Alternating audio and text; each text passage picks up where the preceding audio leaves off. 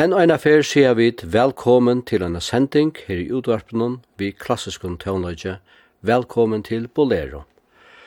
Og i nøkron av sendingen om innan henda managen har vi lagt meg et synder etter å spela tøvnløyg, fyrir tikkun til tøvnasmyen og ikkje er så kjent.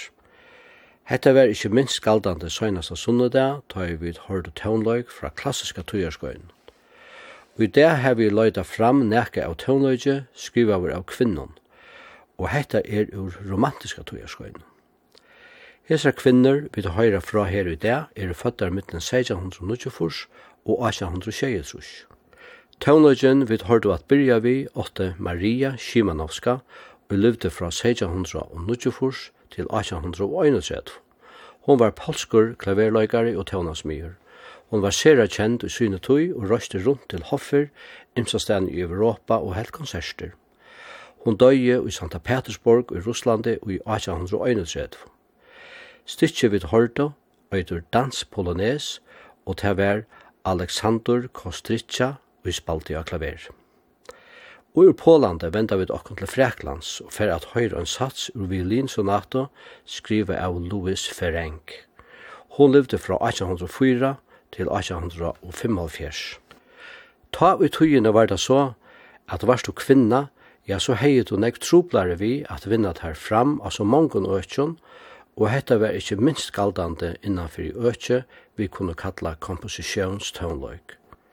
Men først og at løyta, så finner du i det korsene bægje nekvan og gauvan tøvnløyk som er skrivaver av kvinnon, og til er sendingen i det og sinne prekva på. Hendan Louisa Farenk var en framurskerande klaverløykare, og skriva i øysne nekvan tøvnløyk. Her er jo mest kamertøvnløyk, men hon hever til dømes øysne skriva trutjer som finier. Vi færre her å høyra finalesatsen ur violinsonato nummer 2, opus 39 i Adur, skriva i 1803. Te er Louise Bartholomei av violin og Verena Louis klaver og spela henda satsen.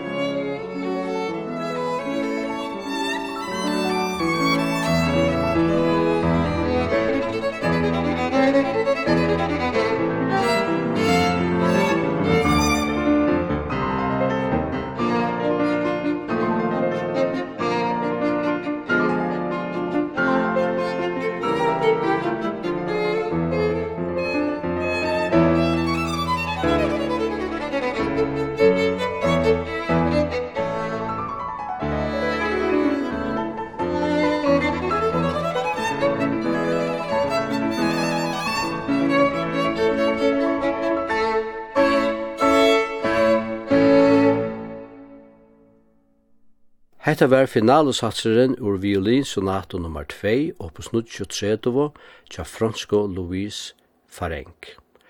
Og fra henne færa vid iver til eit kjent etternavn innan tonleikaheimen. Naste tøvnanar er jo nemlig Fanny Mendelssohn. Hon er fyra år eldre, ståra syster, tja til møyra navnfrema Felix Mendelssohn, født i 1805.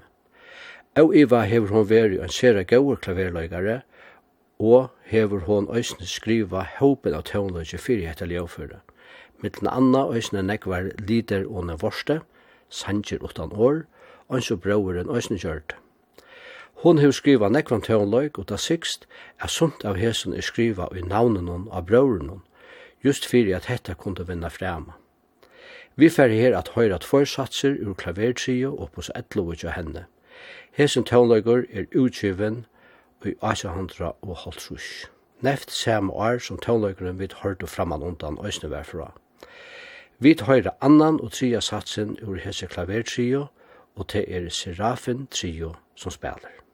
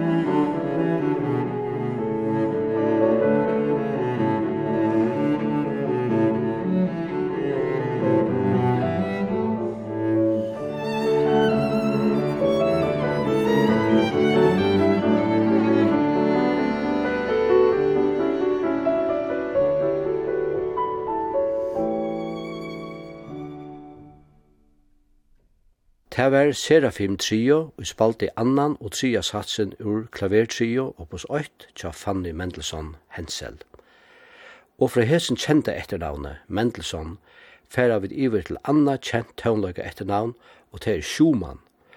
Og vi færa høyra tøvnløyga tja kvinno, som kanskje er den kjenteste av öllum kvinnelige komponisten, hette er Clara Schumann, etla Clara Wick, som han eit åren hun giftist vid det kjenta Robert Schumann, som jo òsne vi er tøvnasmyr. Hon er født i 1800 og Nujjan i Leipzig. Hon var nærmengur til papasunnen Friedrich Wick, som òsne var lærare til kommande mann i hennara Robert. Klara var en fram ur klaverløykare og var kanska rokna i mittlen tar allar best og nekrantui. Klara skriva i og i 1853 tjei variasjoner iver et tema tja mannen under Robert. Året etter framførte hun verste fyrir fyrst og fyr, og fyrir ongon minni enn tøvnasminen Johannes Brahms, som òsne var viner tørra. Ta sikst at Johannes gjørdest sera rørdur, og ta skilje så sera vel ta i høyri hetta fram urvekra stikje. Og hetta gav honom òsne uiblåster til sjolvur a skriva nekra variasjoner iver just sama tema. Og vi tidsja etter ein lista iver skriva versk tja klaro, så sutja vi at hetta er umiddelin søgnaste versk hennara, hetta høyast at hon levde mong år trekt. Vi fer her at høyra Yoshiko Iwai spela versk fyrir jokkun. Her kjemur variasjonen upa ein tema von Robert Schumann, opus 20.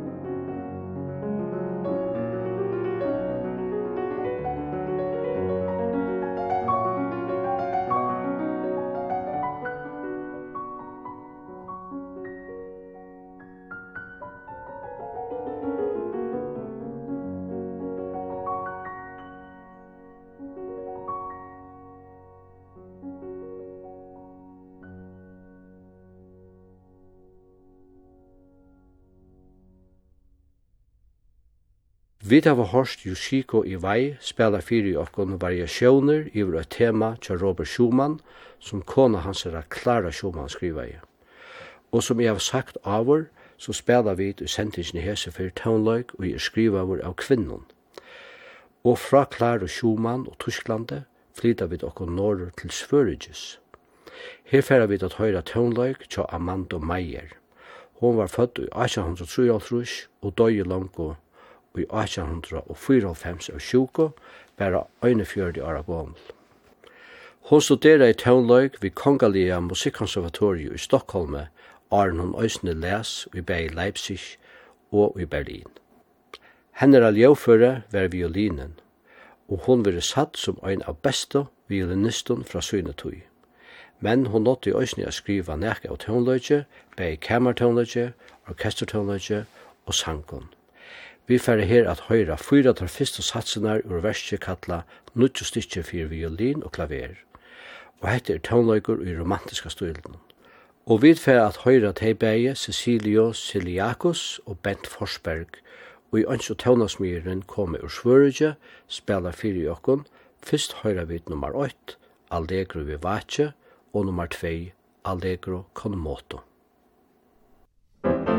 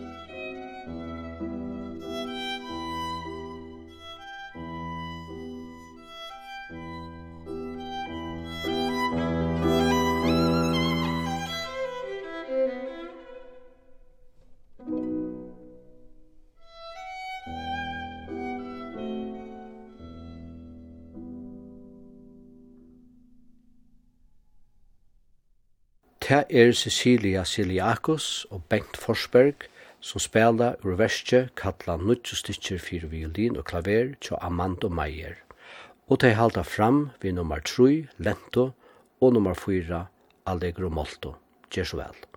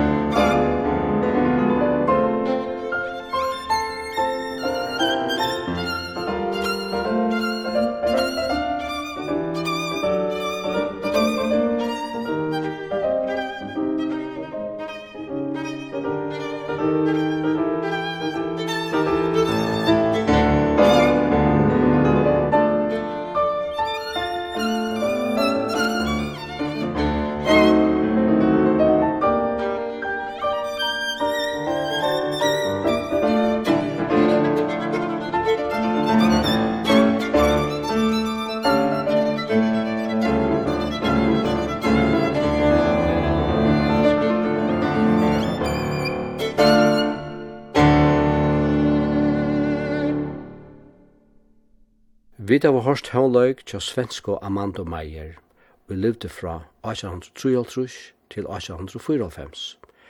Og fra henne færa vi til ta fem år yngre fransko Mel Bonis. Hon levde fra 1838 til 1936. Bonis skriva i fløyri enn 300 versk, bæg for klaver, orgel og æsne kamertøvnløyk og orkestertøvnløyk. Vi fer her i det at høyre en sats ur fløyte sonato i sysmål, opus 4 trus. Det er Mario Angelotti, og spiller fløyte og Eliana Grasso klaver.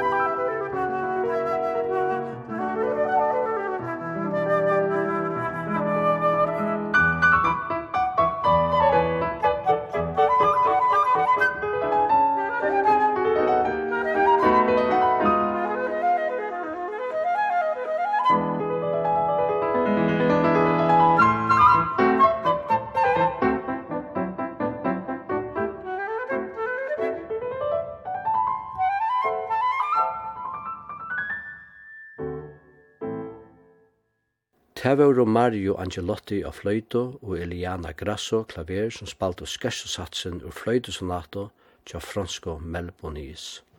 Og så er vi kommet fram imot endan av sendingen i Hesefer, og òsne mine sendingen henda managen. Og i det hava vi som sagt husavna okkon om tånløyk tja kvinneligen tånasmyen fra romantiska tøyerskøynen. Og enden av sendingene ver i så mata anki undantek. Vi får å høre vers tja amerikansko Ami Beach.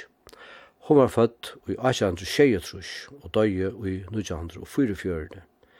Ami vil rokna som den første kvinnelige amerikaneren som verilige Georges kjent for sine store symfoniske versk. Hon var annars konsertpianister og røste rundt om Atlanheimen og helt konserter. Vi får at enda vi ser av vekrare romanser fra hennar rundt. Romansan hefur versknummer opus 23, skriva i 1893. Ta er Elena Uriosta, violin, og Michael Brown i spela. Og vi har som vøkt og tøvnen sier et takk fyrir meg henda manain. Om to innskir a lusta atre etter hese sendisene, så kanst du til dømes gjerra tau i andre kvöld klokkan 22. Tu tar vi hun endur send til utvarpnum. Ta ber òsne til at høyra sendisene av netenon akkurat hva du vilt så skal du bare fære inn av heimasyna til kringvarspenon kvf.fo franskak bolero. Her finner du henne.